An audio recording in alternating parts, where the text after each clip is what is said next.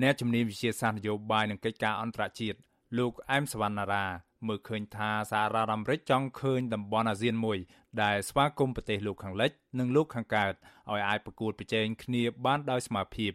ក្នុងន័យនេះលោកថាសហរដ្ឋអាមេរិកនឹងលើកឡើងនៅយន្តការនៃការអនុវត្តច្បាប់ នៅក្នុងបរិបទពហុភាគីនិយម ខ្ញុំគិតថាកម្ពុជាគួរតែស្វាគមន៍នៅយន្តការនៃការអនុវត្តច្បាប់អន្តរជាតិដែលមានកន្លងមកវាអត់មានអីជាគោលការណ៍ខុសទេពួកកម្ពុជាប្រកាន់យកមកយូរមកហើយគ្រាន់តែកម្ពុជាសម្ដែងអរិយាប័ត្រមួយគេហៅថាមានសុទ្ធចិត្តឲ្យលោកខាងលិចនេះជឿជាក់ទៅលើជំហរឬក៏ទួនាទីរបស់កម្ពុជានៅពេលដែលកម្ពុជាដើរទួនាទីជាប្រធានអាស៊ាននៅឆ្នាំក្រោយនេះវាមានអត្ថប្រយោជន៍ច្រើនអញ្ចឹងកិច្ចប្រជុំអាមេរិកជាមួយអាស៊ាននៅថ្ងៃទី25នេះវាជាយន្តការមួយល្អដែរសម្រាប់នយោបាយការប្រទេសកម្ពុជានៅអនាគតកាលលោកអែមសវណ្ណារាបន្តថាយន្តការនៃការអនុវត្តច្បាប់ពហុភាគីនិយមនេះជាពិសេសច្បាប់សមុទ្រអន្តរជាតិឆ្នាំ1982អាចប៉ះពាល់ទៅដល់យុទ្ធសាស្ត្រពង្រីកឥទ្ធិពលរបស់ចិនតាមរយៈគម្រោងខ្សែក្រវ៉ាត់និងផ្លូវឬ BOI នៅក្នុងតំបន់ទាំងក្នុងសមុទ្រចិនខាងត្បូងទាំងសមុទ្រចិនខាងកើតនៅជប៉ុន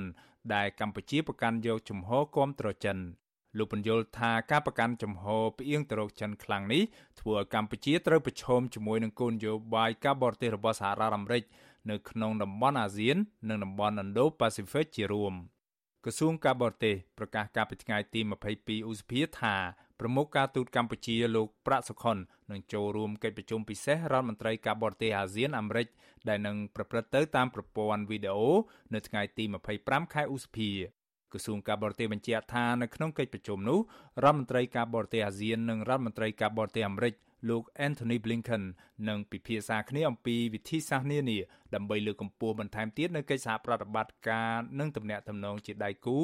រវាងអាស៊ាននិងសហរដ្ឋអាមេរិកជាពិសេសនៅក្នុងការដោះស្រាយវិបត្តិសុខុមាលភាពសកលនាពេលបច្ចុប្បន្ននិងការផ្លាស់ប្តូរយោបល់គ្នាអំពីបញ្ហាតំបន់និងអន្តរជាតិដែលជាចំណាប់អារម្មណ៍រួម។ ក្រសួងការបរទេសលើកឡើងថាកិច្ចប្រជុំពិសេសនេះឆ្លុះបញ្ចាំងពីឆន្ទៈនយោបាយនិងការបដិញ្ញាចិត្តជំរុញភាពជាដៃគូយុទ្ធសាស្ត្រអាស៊ានសហរដ្ឋអាមេរិកសម្រាប់កិច្ចសហប្រតិបត្តិការយូរអង្វែងដើម្បីសន្តិភាព ស្ថិរភាព សន្តិសុខនិងការអភិវឌ្ឍសេដ្ឋកិច្ចសង្គមទាំងនៅក្នុងនិងក្រៅតំបន់ លោកអែមសវណ្ណារាផ្ដល់អនុសាសន៍ថាកម្ពុជាក៏គួរឆ្លៀតយកឱកាសពីកិច្ចប្រជុំពិសេសនេះជំរះចោលនៅការចោទប្រកាន់នានាទៅលើសហរដ្ឋអាមេរិកនាពេលកន្លងមកពាក់ព័ន្ធទៅនឹងការលើកស្ទួយប្រជាធិបតេយ្យនិងបញ្ហាសិទ្ធិមនុស្សរួមទាំងករណីប្រធានគណៈបកសង្គ្រោះជាតិលោកកឹមសុខាផង ដើម្បីស្ដារនៅទំនុកចិត្តនិងទំនាក់ទំនងទ្វេភាគីរវាងប្រទេសទាំងពីរឡើងវិញ។ អ្វីដែលការចោទប្រកាន់អ្វីដែលមន្ទិលសង្ស័យទៅលើយន្តការនៃការយល់ច្រឡំគ្នាពាក់ព័ន្ធនឹង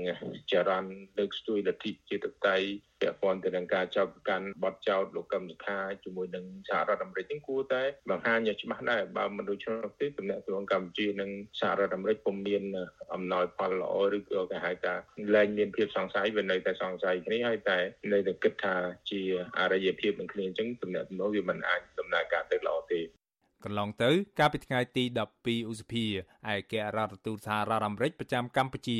លោក Patrick Murphy បានសរសេរបទអត្ថាធិប្បាយមួយចុះផ្សាយនៅលើគេហទំព័ររបស់មជ្ឈមណ្ឌលស្រាវជ្រាវគោលនយោបាយអាមេរិក Stimson Center ជុំវិញឱកាសរបស់កម្ពុជា ដែលធ្វើជាប្រធានបដូវវេនអាស៊ាននៅឆ្នាំ2022ខាងមុខ លោកសរសេរថាកម្ពុជានឹងមានឱកាសកំណត់នៅកិច្ចការទូតសំខាន់សំខាន់ប្រចាំតំបន់និងលើកកម្ពស់ឲ្យមាននៅកិច្ចសន្ទនាប្រកបដោយអត្ថន័យជុំវិញបញ្ហាជាច្រើនដូចជាបញ្ហាកូរ៉េខាងជើង បន្តកម្មវិធីមីស៊ីលឆ្លងទ្វីបនិងនុយក្លេអ៊ែរដែលខុសច្បាប់ បញ្ហាទៀមទាយកប្រជុំកោះនៅសមុទ្រចិនខាងត្បូងពីសំណាក់ប្រទេសចិនដោយខុសច្បាប់នឹងការគំរាមកំហែងរបស់ប្រទេសនេះមកលើរដ្ឋសមាជិកអាស៊ានដទៃទៀតដែលពាក់ព័ន្ធនឹងចំនួនដណ្ដើមប្រជុំកោះនៅសមុទ្រចិនខាងត្បូងនេះព្រមទាំងបញ្ហារដ្ឋប្រហារនិងការបង្ក្រាបដោយហិង្សានៅប្រទេសភូមាជាដើមលោក Patrick Murphy គូបញ្ជាក់ថាកម្ពុជាក៏មានទួនាទីធ្វើឲ្យប្រសើរឡើង នៅដំណើរវិវត្តនៅក្នុងវិស័យចម្បងចម្បង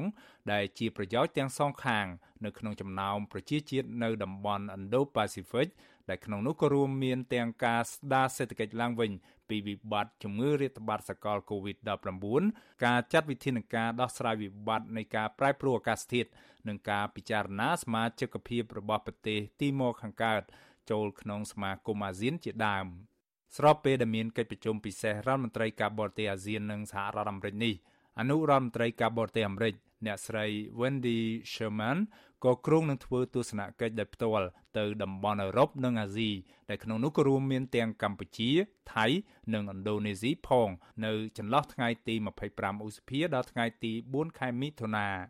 ក្រសួងការបរទេសអាមេរិកកាលពីថ្ងៃទី21ឧសភាឲ្យដឹងថាក្នុងដំណើរទស្សនកិច្ចរបស់អ្នកស្រីមកកាន់តំបន់អាស៊ីអាគ្នេយ៍អ្នកស្រីនឹងគូបញ្ជាក់ឡើងវិញអំពីការបដិញ្ញាចិត្តរបស់សហរដ្ឋអាមេរិកមកលើតំបន់អាស៊ាននិងលើកឡើងអំពីបញ្ហាជាច្រើនពាក់ព័ន្ធទៅនឹងទំនាក់ទំនងទ្វេភាគីនិងក្នុងតំបន់ដែលក្នុងនោះក៏រួមមានទាំងកិច្ចខិតខំប្រឹងប្រែងនានាដើម្បីជំរុញឲ្យក្រុមមេដឹកនាំយោធាភូមាបញ្ឈប់ការប្រើអំពើហិង្សា និងងាកមកស្ដារប្រជាធិបតេយ្យឡើងវិញព្រមទាំងបញ្ហានៅក្នុងតំបន់មេគង្គផងដែរ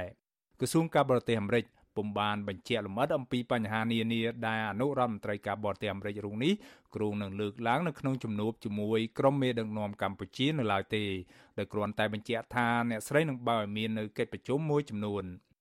ក្រៅពីកិច្ចប្រជុំពិសេសរដ្ឋមន្ត្រីការបរទេសអាស៊ាននិងសហរដ្ឋអាមេរិកនេះ អាស៊ាននិងសហរដ្ឋអាមេរិកក៏គ្រោងនឹងរៀបចំនៅកិច្ចប្រជុំថ្នាក់រដ្ឋមន្ត្រីអាស៊ាន និងសហរដ្ឋអាមេរិកនិងកិច្ចប្រជុំកំពូលអាស៊ានសហរដ្ឋអាមេរិកលើកទី9នៅខែសីហានិងខែតុលាខាងមុខនេះផងដែរ